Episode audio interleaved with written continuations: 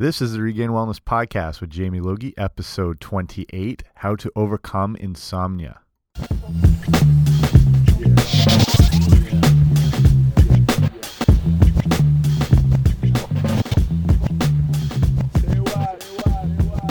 Hey guys, what's happening? Welcome back to the podcast.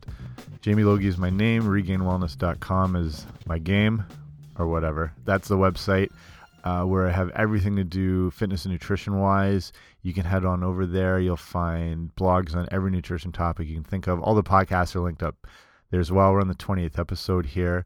So I've covered a lot of good stuff. We've been doing some, did some great interviews last last few weeks with uh, Kimanzi Constable, if you hadn't heard that one, and also Dr. Sara Celik talking about detox and cleansing, and a few good ones coming up in the next few weeks. So look on out for that. And while you're at the website, make sure you sign up for the email newsletter. So that gets you kept up to date with anything new going on or when there's new stuff coming out or it, it, things actually just communicate just over email so different topics or whatever's concerning people address and that so it's not always stuff that i cover on the show or the blog. It's more specific just for the regainedwellness.com community there. So if you want to sign up for that, the other thing you get is the free healthy eating starter kit ebook I made, which is a great guide to get you up and running if you're new to like fitness and nutrition, wellness, or even if you need like a refresher or a reset. So get that by going to regainedwellness.com slash guide, enter your email, and all that good stuff is sent right on over to you. So, going to jump right into it today. I'm talking about something that affects quite a lot of people. You, if it doesn't affect you personally, you I'm sure you know someone who suffers from insomnia, and I've got seven different steps here you can take to help combat it. And just the inability to get adequate sleep is a really serious concern for the average person. So, I mean, insufficient sleep not only makes you look like a character from The Walking Dead, it really has some serious health consequences. Um, it's I've I've said this before in other episodes. It's kind of this badge of honor to proclaim how we can function on such a minimal amount of sleep. Like, hey, I only got four hours last night. Look at me go. But if you realize the damage it can do, you might not be as inclined to stay up watching a Duck Dynasty marathon late at night or whatever you like to do. So, if you're one of those eat, sleep, rave, repeat type people, you should be aware that the lack of sleep is seen as a stress to your body. Your body's unaware if you're under some sort of trauma or environmental or famine related stress. Um, if you've just been up at the club all night killing it, in either case, your body feels like there's something uh, keeping it out of balance, or else why would you not be sleeping? There must be some sort of threat going on.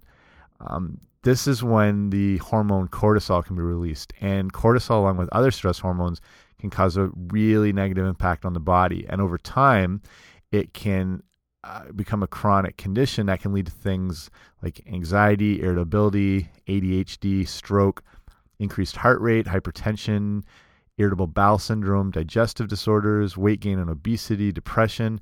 The, the, like this just scratches the surface. The the truth is that stress is a very real thing, and lack of sleep can be a big cause of it. So if you do suffer from insomnia, you have trouble sleeping, here's seven tips, just quick, I want to get you up to speed with and get you on the right the right track. So here, first thing you want to do is avoid alcohol and caffeine late at night.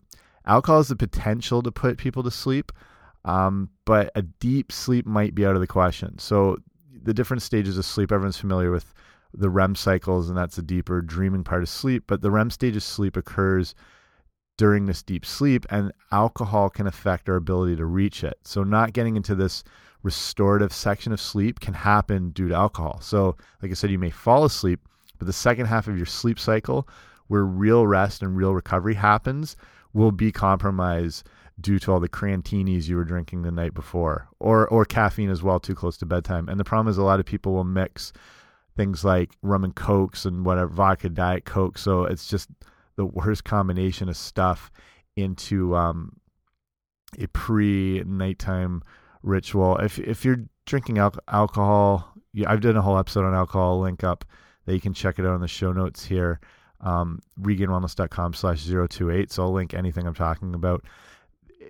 Best out, like wine, red wine is going to be your top choice for alcohol. It's still going to have some negative consequences. Like alcohol is still a form of poison in your body, but there are some health benefits that can come from red wine. So, your ideal choice. The second thing to help combat insomnia is getting into a regular routine. Your body really likes balance and regularity. It's called homeostasis if you remember back from high school. It's another way to look at it is stability basically and we respond and function better when we're more stable. So this pertains to sleep as well, as the body needs to recognize a consistent pattern, first to help itself unwind, and then essentially accept sleep and know that it's coming. So when you go to bed at the same time every day, it can create that regular habit. And consistency reinforces your body's sleep wake cycle and allows for better sleep throughout the night. So creating a wind down routine will get your body into that consistent mode. So it might be I don't know, you might like a bath, like me, warm bubble bath, some Kenny G, some candles, or whatever. At the same time each night, it might be reading before bed, writing a to do list for the next day so you can get your thoughts under control. Important part is whatever that routine is, you stick with it and apply it to your everyday life. Number three, don't exercise too close to bedtime. So it's always been thought that exercise before bed could lead to disrupted sleep, but newer research into the issue is shedding light that it may not be the issue it was thought to be, but it's probably not the best idea to. So, I mean, this is more for maybe a lighter form of exercise, but it's probably not the best idea to like be, you know, doing something like CrossFit or high intensity interval training or sprints just before you go to bed. So, because it can take a while for the body to wind down after high intensity exercise. How so? If if this is the only time you can possibly go. Try and have a little lighter exercise. It can contribute to quality sleep. Yoga is really good at this time of day, um, if that's the only time you can fit it in, as also as a relaxing and wind down um, for the day. I just wrote an article on all the benefits of yoga that'll link up, and something I had started doing, and it's pretty amazing. So if exercise just back to exercise if exercise is within three hours of when you go to bed you're, probably going to be okay so a lower temperature is what helps you sleep and that's the whole issue here is that exercise increases body temperature so some like well-trained athletes they're able to return to a lower resting heart rate and body temperature quicker than the average person so if they're you know you're a high level exerciser or athlete doesn't necessarily apply to you but if you're new to exercising keep some time between exercise and bed by a few hours, unless it's something like like I said, like the yoga before, which isn't too bad. Main thing is to listen to your body and see how you feel.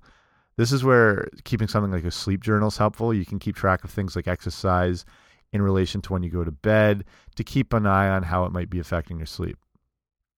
Number four, this is a big one now, and I think more people are becoming aware of it, is avoid TV and blue light at night which is tough to do, but you know, you might be listening to this on your phone right now in bed, like, and staring at the screen. Um, I've been guilty of that a lot. I usually listen to podcasts when I wind down for the day, and or you might be on your laptop, whatever, your tab, like iPad, whatever. But something you really want to be looking to cut out, as all of our electronic devices emit what they call blue light, which really has a negative effect on our melatonin levels, which control our sleep and our uh, circadian rhythm and just the rhythm of our, our body. And melatonin not only helps control our sleep and our ability to stay asleep, but is essential in that wind down process. So when you're exposed to this unnatural artificial blue light, it really suppresses the melatonin in the body and it throws everything out of whack. So it's difficult because we live in this artificially lit world. Like we have essentially 24 hours of of fake daylight. I mean, we have real daylight in the day, and then the second half we, we still have light all the time, which is really not what we were designed to be around. But if you really reduce the exposure two to three hours before bed, it will really help that natural melatonin level to be either restored or sustained and to work efficiently and allow proper sleep.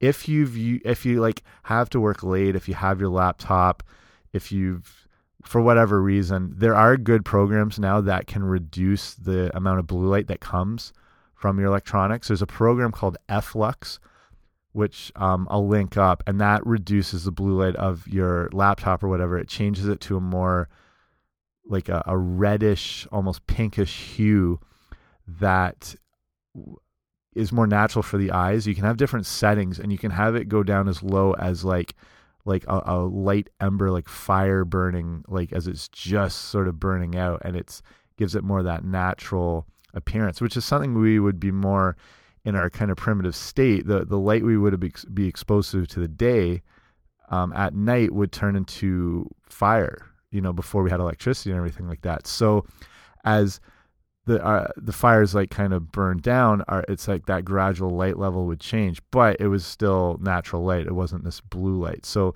try these programs like flux i use them all like all my computers have them anytime past 9 10 o'clock i have that activated it actually works with your time zone and it can automatically set itself so it'll start to transition as the like the light changes in the day and there's different ones for various um tablets and all, all the different app stores kind of have their own version of these things now. I think Google does one called Glux as well, but they're easy to find. Flux is probably the best though for laptops specifically. Uh, number the fifth thing here to help combat insomnia is to practice relaxation techniques. And relaxation and breathing techniques allow your body to focus on allowing itself to sleep, which is what your body wants to do. So, a, a really handy breathing technique is slowly relax your body while in bed then you're going to slowly inhale through your nose over an 8 to 10 second period. So a nice gradual inhale. You're going to hold your breath for a few seconds and then slowly let the air out over at least 4 seconds. So you can continue this as long as you like or you know until you fall asleep. It just kind of calms and quiets everything down. If you are feeling some people might feel dizzy from this, slow down and take your time. Don't really force this. So if you feel like a little bit of dizziness coming on, just slow it down. But this slow breathing, it really helps to calm things and get you into that sleep state. You can do uh, progressive muscle relaxation. This is also known as uh, a thing called the Jacobson method, where you basically tense groups of muscles all over the body one by one and then consciously relax them. So you can try that while you're in bed because you're lying in a stable position. Another thing, this one might seem a bit weird, it's called toe tensing. But the idea is to draw tension away from the rest of your body. And here's how you do it. So lie on your back again, close your eyes. You're going to pull back your toes towards your face and slowly count to 10. Then you're going to relax your toes. You're going to count to 10 slowly. And then you're going to repeat that whole cycle 10 times. So line your back, close your eyes, pull back your toes towards your face, slowly count to 10. Relax your toes then count to 10 slowly, and then start it over again. Do that 10 times. And this is shown to help create that relaxation through the body. Sixth thing here is avoid eating a lot before bed. And we could talk about this for the next like five weeks straight, but I'll keep it pretty simple. Going to bed after eating too much can make you feel bloated, and digestive upsets can keep you awake through the night. You're basically your body goes into overdrive when it has to burn off a large amount of food. Um, the body temperature can go up, everything. The meat sweats can hit, you know, the whole deal. So avoid eating too heavy. Also, hunger pangs can also keep you up. So a light snack might take care of that and promote restful sleep. You want to stick to things though like proteins primarily, like nuts and seeds, all like nut butters or celery, carrot sticks. You know, again with something like an like an almond butter is really good. Teas are, are nice here, so like chamomile and green tea and they can really help having a with a calming effect on the body. So seventh thing here, don't fight sleep. This is this is important because have you been you've done this before? I've done this. You've been lying in bed, you basically have your eyes clenched like you're forcing yourself asleep, and you're just you know if, looking at yourself. If I fall asleep right now, I'll get like six hours of sleep, or if I fall asleep right now, I'll get five and a half, and then by then you're just it's this battle in your brain. If you find yourself still awake after 20 minutes, you could be better off getting up and engaging in something that's mildly mildly distracting, like reading or puzzles or whatever. Do people still do puzzles? Well, it's worth a shot. Some, something that distracts you. So the chairman of the National Sleep Foundation, a guy named Russell Rosenberg, says worrying about how long you have been awake really sets you up for disaster when it comes to drifting off the harder you try, the less likely you're going to fall asleep. And I think we've all been there before. Besides like I said, yeah, like go to another spot, like find a chair and read, maybe listen to some music. You can listen to my soothing voice if you have to, you know, whatever it whatever it takes. And it's you can try some of those relaxation techniques again when you go back. The point is try and distract yourself and allow that wind down effect to take place again. If you find yourself with sleep issues, you're not alone. I mean, like I was saying at the top of the show, if it hasn't affected you, you probably know someone because over half of all North Americans experience insomnia at least a few nights each week. And but with these simple steps, uh, it's a way to get you on the right path to getting back into that sweet, sweet sleep. So hopefully you've learned some stuff from here and that stuff you can start applying. If you know someone else who does suffer from these issues, feel free to share this episode. I'll have all those fancy social media sharing buttons that all the kids seem to like, and feel free to pass it on. I'll be winding down tonight with a nice cup of chamomile tea and a nice book, or actually, probably not. I'll be watching something like Die Hard or I don't know, who knows what. But I'll try and eliminate that as I get closer to when I go to sleep. And it's something I've been really conscious of now. So I try and cut out all that stuff. And then, like I said, if I am using electronics or whatever, I, I use these programs like Flux and they do help. And just trying to get into that habit of a regular routine is really key. And I notice when I do get into that habit again, sleep's not only easier and more manageable, but it's better. You wake up, you feel more refreshed, the whole deal. So start with some of these tips here and see if they can help you.